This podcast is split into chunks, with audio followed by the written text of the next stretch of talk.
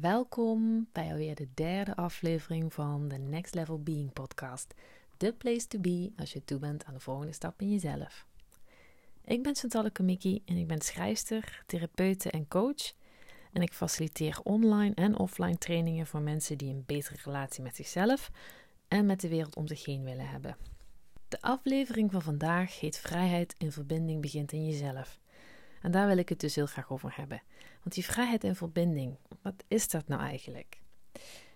Vrijheid en verbinding gaat, voor mij in ieder geval, over de vrijheid om helemaal authentiek mezelf te kunnen zijn in een verbinding. En dit kan over de verbinding met een partner gaan, maar ook over de verbinding met ieder ander. Zoals familieleden, vrienden, kennissen en de mensen waar je mee werkt, eh, je buren, noem maar op. We relateren tenslotte zo wat 24/7 met de wereld om ons heen. Om gezonde en voedende verbindingen te hebben, is het belangrijk dat je als eerste een goede verbinding met jezelf hebt. En dit houdt in dat je een fijne binnenwereld hebt, waarin je op de hoogte bent van je eigen gevoeligheden, je behoeften, wensen en grenzen. Het kennen van je eigen sterktes en zwaktes maakt het op deze manier makkelijker om te navigeren in de buitenwereld. Je bent dan zorgzaam naar je eigen lichaam en eigen geest. En als gevolg daarvan kies je dus activiteiten en mensen die gewoon voedend voor je zijn, waar je blij van wordt, waar je gevuld door wordt. Zoals ik in de eerste podcast uitlegde, zijn grenzen belangrijk om ons ja, veilig in onszelf te voelen. En in dat contact met onze binnenwereld gaat het dus bij een heleboel mensen mis. In mijn eigen binnenwereld was er echt zoveel aan pijnlijke gevoelens van onder andere eenzaamheid en zelfkritiek, dat ik daar gewoon echt niet wilde zijn. Ik kon niet voelen, ik wilde niet voelen, was me daar ook hele lange tijd niet van bewust. En ik had echt de Hard Defender als, uh, ja, als een hele stevige redding, um, maar die echt naarmate ik ouder werd steeds meer een kwelling werd. En omdat deze avoider samenwerkte met de pleaser, zag, mijn leven er dus ongeveer een beetje als volgt uit. Um, ik vond het moeilijk om uh, goed te voelen in mezelf en had geen fijn beeld over mezelf als persoon. Um, ik verlangde vooral naar fijne contacten, dus met hè, fijne contacten in de buitenwereld, zodat ik me niet meer eenzaam en alleen zou voelen. Alleen, doordat ik geen fijn gevoel over mezelf als mens had, betekende dit dat ik in het contact met de ander um, ja, mezelf niet kon zijn. Want als ik mezelf niet leuk vond, dan zou die ander dat ook niet vinden. Als de ander me echt zou kennen om wie ik was, dan zou die sowieso weggaan. Of zij. Dit maakte eigenlijk dat ik mezelf altijd net iets anders voordeed dan ik me voelde. Soms was dat uh, heel erg anders en soms was dat gewoon een beetje anders, maar nooit echt zoals ik, ja, zoals ik mezelf voelde of zoals ik was. Ik was dus niet vrij in verbinding om mezelf te zijn. Ik deed me vaak vrolijker voor dan dat ik was. Ik stopte mijn werkelijke gevoelens weg. Maar ik stopte vooral ook mijn behoeften weg. Daar zorgde ik, ja, daar zorgde ik dan zelf wel voor.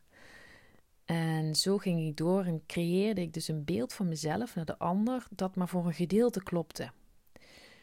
En door die delen van mezelf uit het contact weg te laten, ondermijnde ik zelf de diepte van iedere verbinding. De ander had tenslotte geen relatie met mij, maar met een beeld van mij dat ik wilde laten zien. Het beeld van de altijd bereidwillige Chantalle, uh, die altijd al voor je klaar stond. Um, ja, die zelf nooit iets nodig had. Um, ja, ik schaamde me gewoon eigenlijk te erg voor wie ik dacht dat ik was. Dus ik mocht me ook niet, uh, niet goed voelen. Ik mocht niet boos zijn. Ik, alles wat ik in mezelf afkeurde, dat mocht de ander ook niet zien. Het gevolg hiervan was dat ik me gewoon eenzaam en heel rot bleef voelen. Iedere keer als jij een deel van jezelf wegstopt of wegcijfert in contact met de ander, doe je eigenlijk op een bepaalde manier hetzelfde als ik deed. En hetzelfde als dat de mensen in mijn praktijk doen. En misschien doe je het om andere redenen, maar in de kern doen we dan toch hetzelfde. Geloven dat we niet helemaal onszelf kunnen zijn, omdat we anders de verbinding in gevaar brengen als we wel onszelf zijn. De ander kan dan uh, ons afwijzen, kan weggaan, um, noem maar op. Voor mij kwam de verandering in ieder geval toen ik leerde om te voelen. En dezelfde verandering zie ik keer op keer in mijn praktijk plaatsvinden wanneer mensen oud trauma en de daarbij behorende overtuigingen los kunnen laten. En voelen is dan wel heel kwetsbaar, maar zolang we de oude pijn niet voelen die we onze kindertijd zo slim hebben weten te hanteren, dan blijven we eigenlijk in onze beschermmechanismen of die hard defenders, blijven we dus gevangen. Want misschien weet je het of niet, maar uh, onze mind maakt het niet zo heel veel uit of wij gelukkig zijn of niet. Want die mind is er voornamelijk om te zorgen dat we overleven. Hoe we overleven, dat maakt de mind niet zoveel uit, als we maar overleven. En dezezelfde mind houdt ook erg van efficiëntie. En dat betekent dus dat als er een tactiek is geweest die ons het beste geholpen heeft toen we klein waren, om om te gaan met moeilijke en pijnlijke gevoelens en situaties, dat de mind deze dus onthouden heeft en eigenlijk dan tot in een treuren blijft herhalen.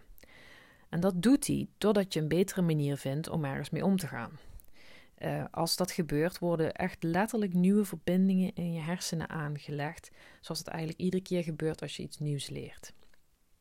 En totdat je dus iets nieuws leert, iets beters leert, blijven die oude programma's um, van de hard defenders of die beschermmechanismen in ieder geval onveranderd doorlopen en hun werk doen. En wat ze eigenlijk doen, is je beschermen tegen pijnlijke oude gevoelens. Ze willen je dus onkwetsbaar maken voor die pijnlijke oude gevoelens. Deze programma's kun je dus pas eigenlijk overschrijven, veranderen, als je durft te gaan voelen. Als je dus kwetsbaar durft te worden en de mind het signaal krijgt: oh, oh, ik ga er niet dood aan als ik verdriet voel, als ik boosheid toelaat, als ik angst durf te voelen. En dit betekent dus dat het durven kwetsbaar zijn en oude gevoelens toelaten de opening is naar die nieuwe fijne binnenwereld. En ja, toegegeven is dit lastiger gezegd soms dan gedaan. Want daar waar er veel pijnlijke oude overtuigingen zitten en ehm, ja, de beschermmechanismen gewoon nog stevig op zijn plek staan, kan het echt pittiger zijn om voorbij die hard defenders uh, om gevoelens toe te laten. En gelukkig hoeft dat niet allemaal in één keer. En gelukkig is ook het lichaam wijzer dan we denken. Het is wel echt heel belangrijk dat we het wel gaan doen. En ook om de volgende reden. En dat is namelijk dat, eh, ook al denk je dat je niet voelt, of denk je dat je moeilijk voelt, je voelt de hele dag. Alleen sta je er of niet bij stil, of staat het geluid van je mind zo hard uh, dat je als het ware voorbij gaat aan de signalen die je lijfje geeft. En dat betekent dat het lichaam op een gegeven moment heel hard misschien aan de bel moet trekken om aandacht te krijgen voor dat wat het al zo lang met zich meedraagt. Dus die opgeslagen emoties. Want die gaan uh, in cellen zitten, die blijven in cellen zitten totdat ze ontladen worden. Dit verklaart dus waarom sommige mensen bepaalde spanning in hun lijf hebben, of zelfs waarom sommige mensen chronisch ziek zijn.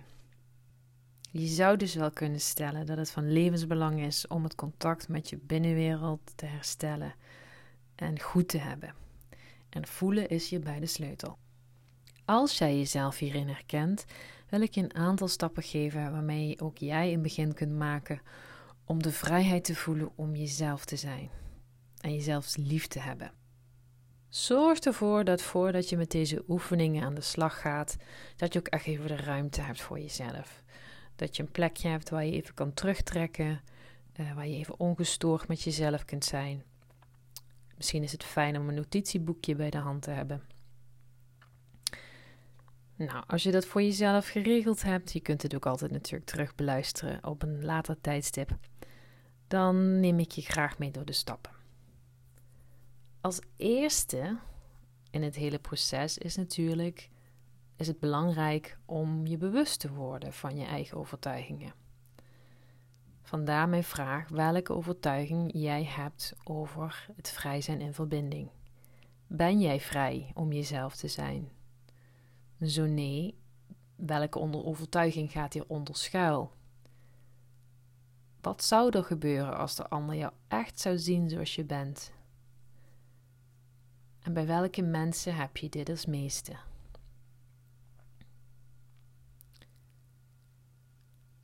Als je dit helder hebt, welke overtuiging je hebt, dan kun je misschien ergens al in je lichaam een sensatie voelen opkomen.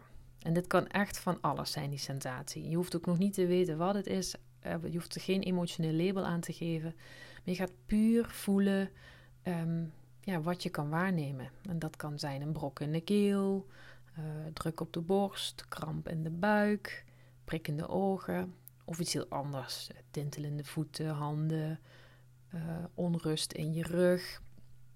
Neem het maar waar. Wat als jij deze gedachten over jezelf hebt, als je deze bewust hebt, wat kun je dan waarnemen aan sensaties in je lichaam? En stel jezelf ook nu weer de vraag: bij welke mensen of situaties deze sensaties um, versterkt worden of opgeroepen worden? Als je ook dit helder hebt, kan je door naar de volgende stap. En dat is de vraag welke neiging je in jezelf kunt waarnemen als deze sensaties de kop opsteken. Wat is je neiging tot reageren? Wil je jezelf misschien kleiner maken of weg uit de situatie trekken? Of wil je juist misschien de aanval in? Word je boos op je omgeving? Mensen die in de Hard Defender test hoog scoren op de martyr, de pleaser en de avoider, zullen eerder weg uit de situatie willen of zich kleiner maken. Ze willen vooral vermijden, vluchten of bevriezen. En de andere drie, de critic, de hesitator en de steamroller, die zullen eerder de oorzaak van moeilijke gevoelens buiten zichzelf uh, zoeken, leggen en ook daar willen oplossen. Dus daar moet het geregeld worden, buiten zichzelf. Dus de vraag aan jou is: welke neiging er bij jou ontstaat als jij deze vervelende sensaties in je lichaam waarneemt? Hoe reageer je meestal? En hoe voel je je na zo'n reactie? Nou, in stap 4 ga je eigenlijk gewoon een tijdje oefenen met het bewust worden van deze patronen. Je gaat echt, in plaats van dat je als in een trance reageert op de situatie, dus de situatie is in dit geval, uh, er gebeurt iets, een overtuiging wordt geraakt en ik voel een vervelende sensatie in mijn lijf. Um, mijn mind geeft een signaal, oh, dit gaan we niet voelen en ik ga, ga reageren.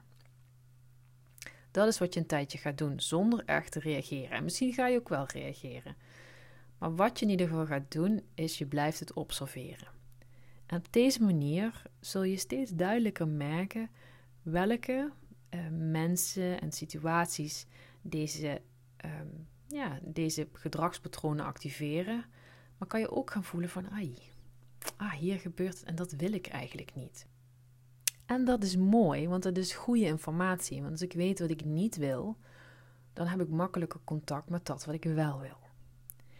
Nou, en terwijl je hiermee oefent, is stap 5 eigenlijk soort van gelijktijdig aan de gang.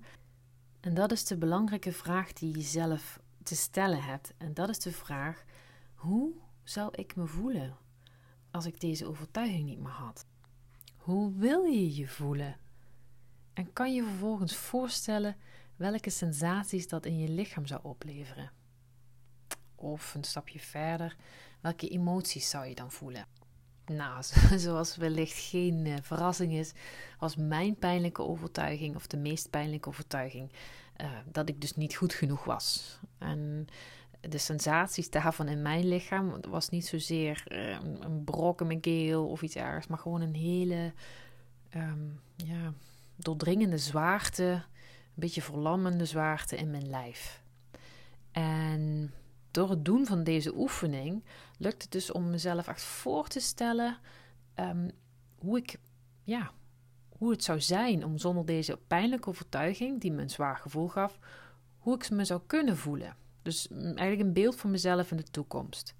En het lukte me om contact te maken met een deel in mezelf dat juist hartstikke trots is op hoe ik me overal doorheen geslagen heb. En ja, dat leverde dus echt sensaties op van lichtheid en blijheid. En ja, daar, daar contact mee maakte, maakte, maakte eigenlijk al in het moment zelf dat de zwaarte oploste. Want wat er namelijk gebeurt door het stellen van deze vragen, is dat het brein geprikkeld wordt om zich iets voor te stellen. En op deze manier is het brein uh, tegelijk bezig met het aanleggen van nieuwe neurologische paden. Het, probeert iets te voor te stellen, het probeert iets te leren. En iedere keer als je iets leert of probeert te leren, dan worden er nieuwe verbindingjes aangelegd in de hersenen. En dat gaat dus letterlijk buiten die gebaande innerlijke paden om. Dat zijn die gebaande paden dat we. Uh, dat maakt dat we steeds hetzelfde reageren bij dezelfde triggers. Uh, net als dat hondje uit het experiment van Pavlov. Dus stel je dus vaker voor hoe je je wil voelen. En neem waar welke situaties je vanuit deze voorstelling in je lichaam kunt waarnemen. Het mooie gevolg van deze oefening is dat je je steeds vaker zo gaat voelen zoals je dat graag zou willen. En net zoals met alle oefeningen is het belangrijk dat je ze met aandacht en met regelmaat doet. Want alleen op deze manier leiden ze naar meer bewustzijn en daarmee ook de vrijheid om het anders te doen. Ik wens je in ieder geval hele mooie ontdekkingen en hoor graag hoe de oefeningen je bevallen. Vandaag is het overigens de laatste dag om je in te schrijven voor het online programma van Pleasen naar Vrijheid en Verbinding, dat morgen start. Hierin gaan we acht weken lang samen onderweg om ja te zeggen tegen jezelf en de verbindingen aan te gaan die goed voor je zijn. Meer informatie vind je op mijn website www.chantallekamiki.com slash online training. Voor nu wens ik je een hele fijne zondag.